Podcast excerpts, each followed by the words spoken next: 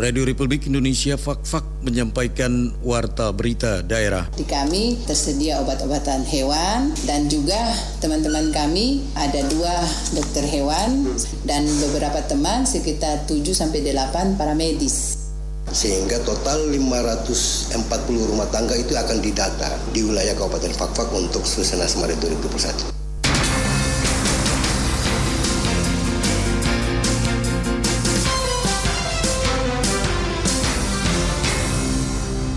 Selamat pagi, kami sampaikan sari berita. BPS Kabupaten Fakfak selama bulan Maret 2021 ini akan melaksanakan survei sosial ekonomi nasional Susenas tahun 2021. HPI Kabupaten Fakfak akan melonsing paket trip premium untuk beberapa destinasi wisata yang ada di daerah ini. Itulah berita utama edisi hari ini selengkapnya bersama saya Emsen Lamonca.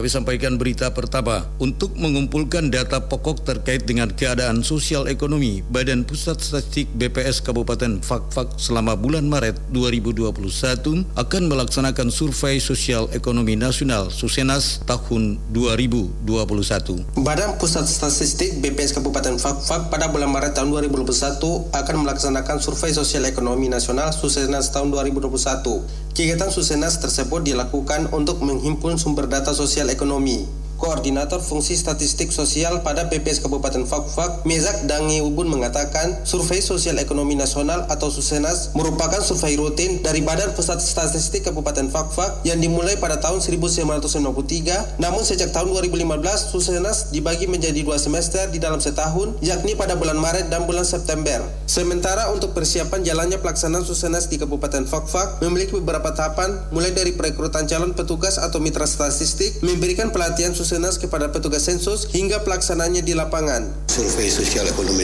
Nasional merupakan survei rutin dari Badan Pusat Statistik Kabupaten Fakfak yang sebenarnya sudah dilakukan tahun 1963. Cuma sejak tahun 2015 survei Sosial Ekonomi Nasional dibagi menjadi dua semester dalam setahun. Jadi yang pertama dilakukan pada bulan Maret dan bulan September setiap tahunnya. Untuk persiapan pelaksanaan survei Sosial Ekonomi Nasional atau Susenas yang dilaksanakan di Kabupaten Fakfak sebenarnya memiliki tahapan yang lumayan panjang dari pertama proses recruiting petugas atau recruiting calon petugas yang biasanya kami disebut di Badan Pusat Statistik adalah mitra. Yang kedua kita melakukan pelatihan instruktur nasional yang diajarkan langsung oleh instruktur utama dan nanti dari situ instruktur nasional akan mengajarkan para calon petugas atau yang mitra tadi. Selanjutnya kita akan melaksanakan proses persiapan lainnya, administrasi dan sebagainya dan nanti kita akan melaksanakan proses pelaksanaan lapangan.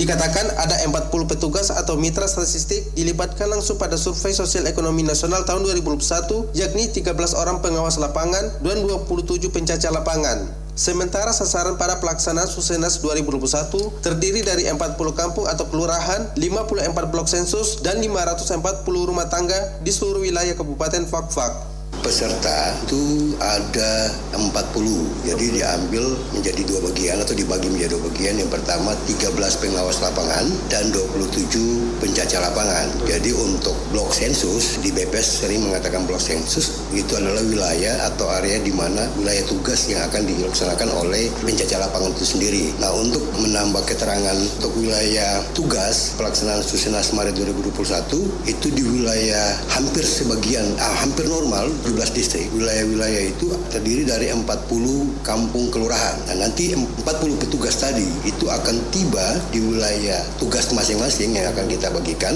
dan akan melaksanakan di 54 blok sensus. 54 blok sensus dan satu blok sensus itu terdiri dari 10 rumah tangga sehingga total 540 rumah tangga itu akan didata di wilayah Kabupaten Fakfak untuk Susana Semarit 2021. Menurut Mezak Dangiubun, tujuan utama dari Survei Sosial Ekonomi Nasional Susenas di tahun 2021 ini untuk mengumpulkan data pokok terkait dengan keadaan sosial ekonomi di mana Susenas ini dibagi menjadi dua bentuk kuesioner atau pertanyaan yakni kuesioner core dan kuesioner konsumsi pengeluaran atau KP. Tujuan utama dari survei sosial ekonomi nasional atau SUNAS itu pertama adalah untuk mengumpulkan data pokok terkait dengan keadaan sosial ekonomi. Sebenarnya SUNAS ini dibagi menjadi dua kuesioner. Jadi sebenarnya kuesioner yang pertama kuesioner core dan kuesioner KP. Jadi kuesioner core itu sendiri itu adalah akan mengumpulkan petugas melakukan wawancara kepada rumah tangga rumah tangga sampel tadi itu untuk mengumpulkan banyak sekali karakteristik yang ada di lapangan. Yang pertama kita akan mendapatkan lewat kuesioner core itu atau kuesioner inti itu yang pertama tentang demografi, yang kedua tentang kepemilikan NIK, yang ketiga tentang migrasi dan ketenaga kerjaan, yang keempat tentang kepemilikan tabungan, korban kejahatan, disabilitas atau gangguan fungsional daripada masyarakat atau anggota rumah tangga yang ada di situ. Terus yang berikut terkait dengan bepergian, teknologi informasi dan komunikasi, imunisasi, ASI, makanan pendamping ASI, persalinan bayi, dan pendidikan, kesehatan dan jaminan kesehatan nasional yang yang sementara ini lagi banyak dilaksanakan oleh pemerintah pusat maupun daerah. Sementara target pada pelaksanaan Survei Sosial Ekonomi Nasional Susenas tahun 2021 ini adalah mendapatkan responden yang tinggi dari semua sampel-sampel yang terpilih, serta diharapkan dari setiap sampel yang terpilih dapat memberikan jawaban yang benar dan aktual sehingga dari jawaban tersebut menghasilkan indikator yang memang benar-benar menggambarkan cerminan atau karakteristik indikator sosial ekonomi di suatu wilayah. Sedangkan hasil pendataan yang dihimpun pada Susenas 2021 ini akan diolah secara detail di PPS Kabupaten Fakfak dan hasilnya tersebut dikirimkan ke BPS provinsi serta diteruskan ke BPS di tingkat pusat. Yang menambahkan ada lima output atau indikator yang dihasilkan pada pelaksanaan Susenas 2021 yakni untuk menghitung garis kemiskinan, tingkat kemiskinan, kedalaman kemiskinan, keparahan, dan gini rasio. Januarti melaporkan.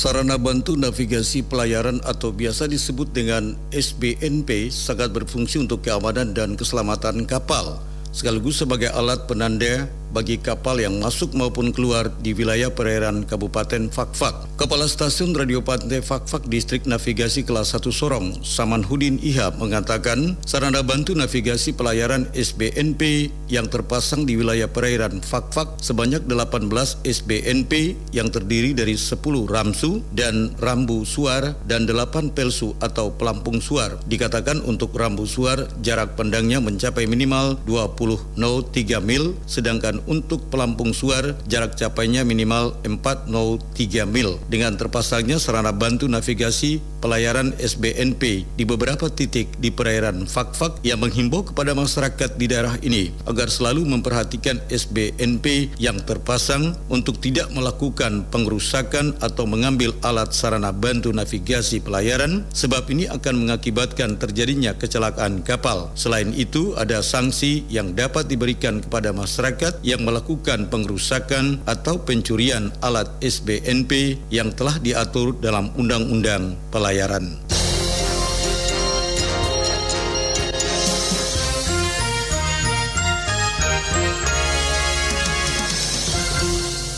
Layanan kesehatan hewan di Kabupaten Fakfak diharapkan dapat membantu masyarakat yang mengalami masalah gangguan kesehatan hewan. Bidang peternakan dan kesehatan hewan pada Dinas Pertanian dan Ketahanan Pangan Kabupaten Fakfak saat ini membuka pelayanan kesehatan hewan bagi masyarakat yang memiliki jenis hewan seperti unggas, ternak, peliharaan maupun jenis hewan lainnya yang mengalami masalah kesehatan hewan. Kepala Bidang Peternakan dan Kesehatan Hewan pada Dinas Pertanian dan Ketahanan Pangan Kabupaten Fakfak, Rosita Laode Bali mengatakan, layanan kesehatan hewan pada Dinas Pertanian dan Ketahanan Pangan Kabupaten Fakfak memiliki berbagai jenis layanan dan pengobatan hewan, mulai dari pencegahan, observasi, pengobatan, perawatan, hingga pemulihan kesehatan hewan. Dikatakan, layanan kesehatan hewan yang ada di Dinas Pertanian tersebut memiliki tiga orang dokter hewan dan tujuh hingga delapan orang paramedis selaku Kepala Bidang Peternakan dan Kesehatan Hewan hmm. pada Dinas Pertanian dan Ketahanan Pangan Kabupaten Fafa. Kami ada tiga seksi. Seksi pertama itu seksi produksi ternak, yang kedua seksi kesehatan hewan, yang ketiga seksi kesehatan masyarakat veteriner. Nah, untuk tugas kami keseharian uh, di dinas ini uh, termasuk bidang peternakan, uh, kami melayani untuk pengobatan dan perawatan ternak karena kebetulan di kami tersedia obat-obatan hewan dan beberapa teman sekitar 7 sampai 8 para medis. Menurut Rosita, ada beberapa jenis hewan ternak maupun peliharaan yang hingga saat ini telah ditangani oleh layanan kesehatan hewan pada Dinas Pertanian dan Ketahanan Pangan Kabupaten Fakfak. Sementara untuk pelayanan kesehatan hewan, masyarakat dapat membawa hewan peliharaannya ke dinas tersebut maupun dengan panggilan secara langsung. Untuk jenis hewan, ada hewan untuk ternak besar ya. Kalau kita kan pakai ternak, ternak besar seperti sapi, terus ternak kecil, kambing, domba, babi, rusa, dan jenis unggas. Nah, kalau unggas, ayam, itik, terus mungkin ada sekarang ada ayam potong, ayam petelur, dan juga hewan piaraan seperti anjing dan kucing. Itu semua obat-obatnya insya Allah tersedia di kami bidang peternakan dan kesehatan hewan. Bisa membawa hewan ke kantor pada bidang peternakan dan kesehatan hewan. Bisa juga kami dipanggil. Karena dalam beberapa bulan terakhir ini kebetulan banyak kucing ya. yang mungkin ada terkena penyakit. Itu bisa mereka langsung bawa ke sini. Seperti kelinci juga mereka bawa ke kantor dan kami mengobati. Hmm. Atau kami dipanggil seperti ada anjing yang sakit atau ternak babi juga ada teman-teman yang langsung ke lapangan. Sedangkan Wesini Ode selaku dokter hewan pada bidang peternakan dan kesehatan hewan mengatakan pada umumnya permasalahan kesehatan hewan yang kini banyak ditangani oleh bidang peternakan dan kesehatan hewan adalah masalah penyakit kulit dan kurang nafsu makan terutama pada kelinci maupun kucing. Ada beberapa jenis penyakit yang yang terdapat di Fakfak. Tapi kalau untuk kita melayani di di kantor itu pelayanannya itu biasanya itu yang dibawa hewan kesayangan hmm. seperti kucing, kelinci kayak gitu. Tapi memang kebanyakan dari hewan yang dibawa ke sini itu biasanya mereka penyakit kulit, kulit atau ya. kurang nafsu makan biasanya hmm. kayak gitu. Dan biasanya kita pemberian vitamin atau pengobatan uh, dari penyakit kulit tersebut kayak gitu. Kalau untuk hewan ternak biasanya berarti kita langsung ke lapangan. Hmm. Hewan ternak besar ataupun yang kecil seperti sapi, kambing atau ayam biasanya kita langsung ke lapangan. Jadi tergantung pelaporan dari lapangan kayak bagaimana baru kita turun ke lapangan. Ya, insya Allah kita siap obat-obatannya sudah lengkap tuh untuk persediaan obat di kantor udah. Keberadaan layan kesehatan hewan di Kabupaten Fakfak diharapkan dapat membantu masyarakat yang memiliki berbagai jenis hewan namun memiliki gangguan masalah kesehatan hewan sehingga dengan adanya layanan ini hewan-hewan yang terkena penyakit, kurang nafsu makan atau gangguan penyakit lainnya dapat mendatangi langsung ataupun panggilan melalui layanan kesehatan hewan pada bidang peternakan dan kesehatan hewan pada Dinas Pertanian dan Ketahanan Pangan Kabupaten Fakfak. Januardi melaporkan.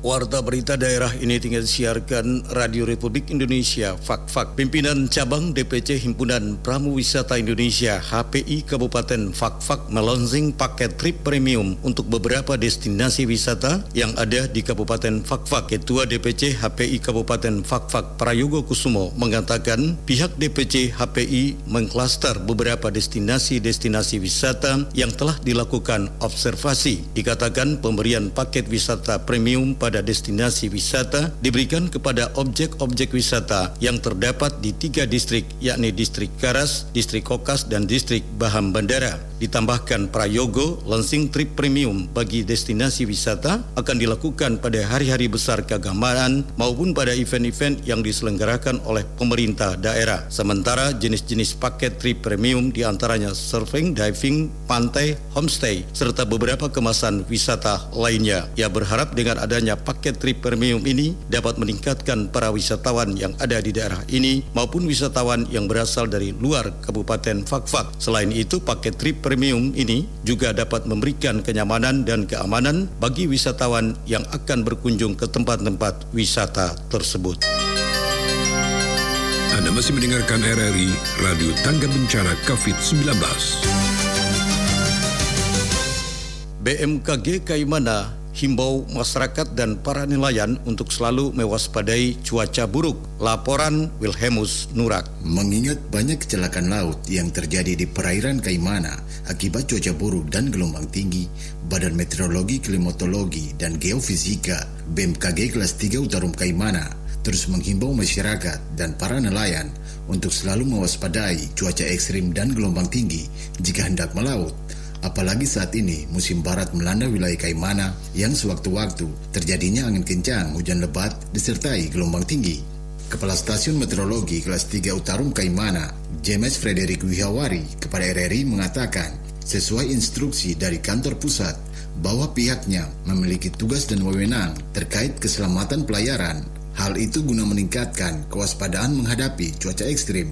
Selain itu juga BMKG Kaimana selalu menginformasikan perakiraan cuaca kepada masyarakat dengan tujuan jika cuaca sedang buruk tidak perlu memaksakan diri untuk melaut karena akan membahayakan keselamatan. Saya minta kepada masyarakat yang ada di Kaimana ini, saya mohon kepada masyarakat agar untuk melaut atau mau ke mana, eh, sebaiknya melihat informasi cuaca yang diberikan oleh kita BMKG supaya bisa berjalan mereka bermelaut. Kalau terjadi cuaca yang ekstrim, yang kurang bagus, mungkin sebaiknya mereka nggak usah melaut karena kami diperintahkan oleh pimpinan dari pusat kalau terjadi cuaca ekstrim atau lebat dan segala macam, kita harus memberikan informasi warning kepada masyarakat agar mereka tidak usah melaut dan berada di darat. Dirinya juga menegaskan agar para nelayan tidak mengabaikan setiap informasi terkait perakiraan cuaca yang diinformasikan oleh BMKG karena menurutnya biasanya masyarakat yang berprofesi sebagai nelayan ini memiliki cara-cara khusus atau memprediksi sendiri untuk melihat cuaca. Namun hal itu belum tentu benar. Oleh sebab itu, ia minta agar para nelayan tetap melihat segala informasi yang berkaitan dengan perakiraan cuaca oleh BMKG dengan tujuan guna meminimalisir hal-hal yang tidak diinginkan. Saudara, sekian warta berita daerah dari Radio Republik Indonesia Fak-Fak untuk saat ini. Selamat pagi.